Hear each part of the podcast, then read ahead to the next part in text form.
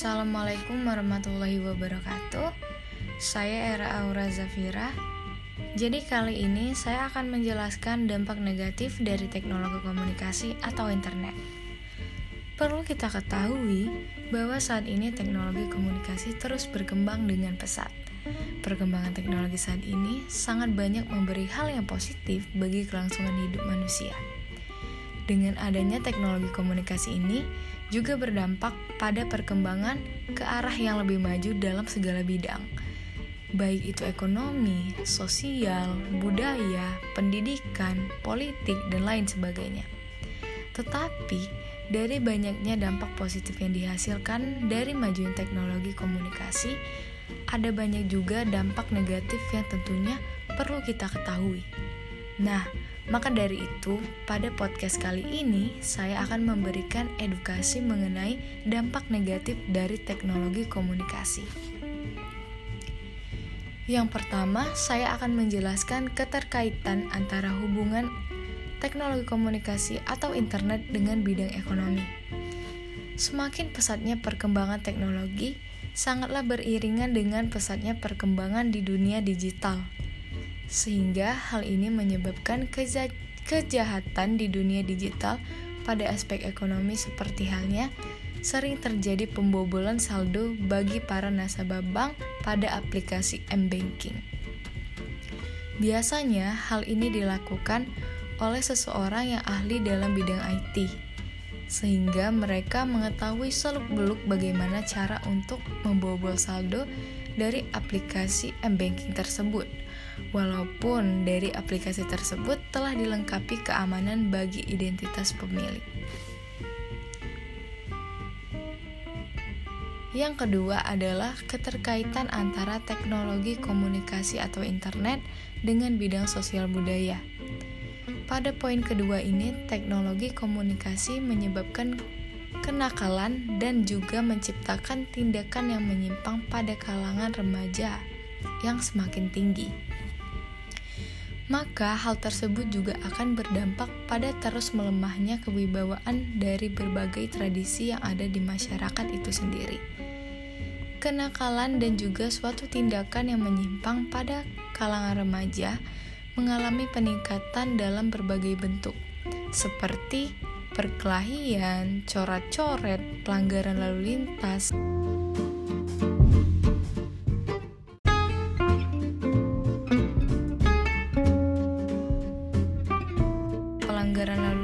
sampai tindak kejahatan.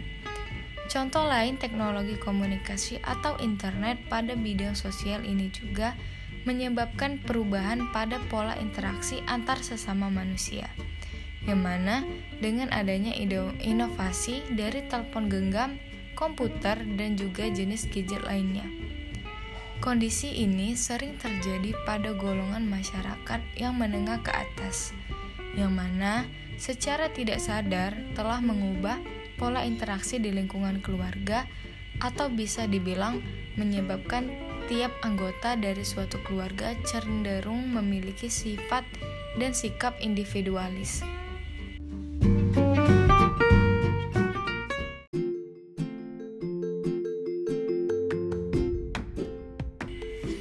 Ketiga adalah keterkaitan antara teknologi komunikasi atau internet dengan bidang budaya.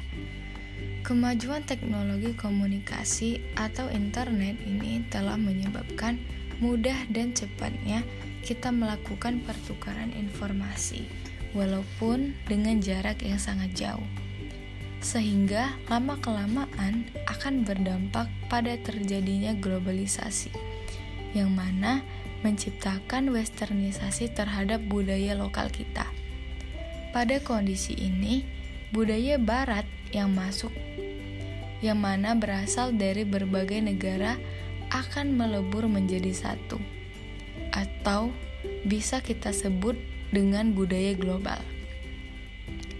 Dan perlunya diketahui poros yang utama dari globalisasi budaya ini berpusat pada negara maju sehingga negara tersebutlah yang akan menjadi contoh bagi negara lain, terutama oleh negara yang berkembang.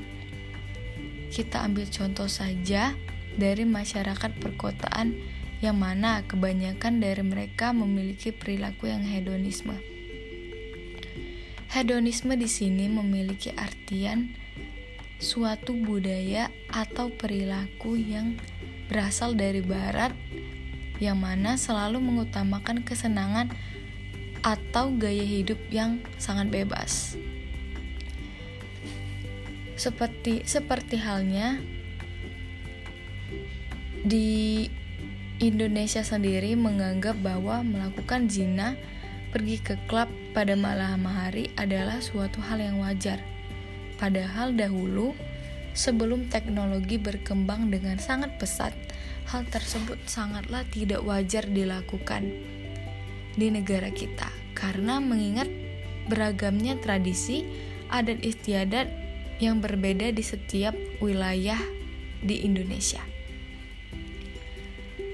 Yang keempat adalah keterkaitan antara teknologi komunikasi atau internet dengan bidang pendidikan. Di dalam dunia pendidikan, teknologi komunikasi atau internet sangatlah dibutuhkan, apalagi dalam kondisi pandemi saat ini yang menjadi penghalang dalam proses pembelajaran. Proses pembelajaran yang diharuskan menggunakan telepon genggam atau laptop mengakibatkan anak-anak menjadi kecanduan terhadap penggunaan kedua alat pembelajaran tersebut.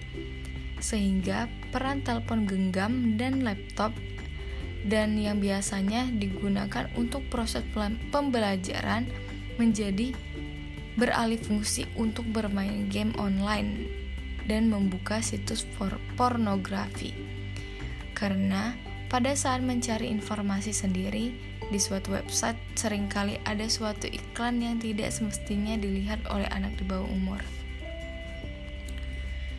Dan untuk yang terakhir, yang kelima adalah keterkaitan antara teknologi komunikasi atau internet dengan bidang politik. Teknologi komunikasi atau internet sangatlah memberi kemudahan di dunia politik tanpa adanya teknologi komunikasi atau internet, pengolahan data-data terkait dengan administrasi di dunia politik akan sulit dilakukan. Tetapi terlepas dari hal positif yang ada, justru teknologi komunikasi atau internet ini justru memberikan dampak yang buruk di dunia politik. Salah satu contohnya adalah pembobolan data KPU yang dilakukan seseorang bernama Dani yang berasal dari wilayah Yogyakarta yang mana pada saat itu Dani ingin berupaya untuk menambah tulisan di website KPU tersebut. Mungkin sekian dari informasi terkait dengan materi dampak negatif dari teknologi komunikasi atau internet. Saya harap dengan materi yang saya jelaskan ini dapat menambah wawasan kita. Terima kasih. Wassalamualaikum warahmatullahi wabarakatuh.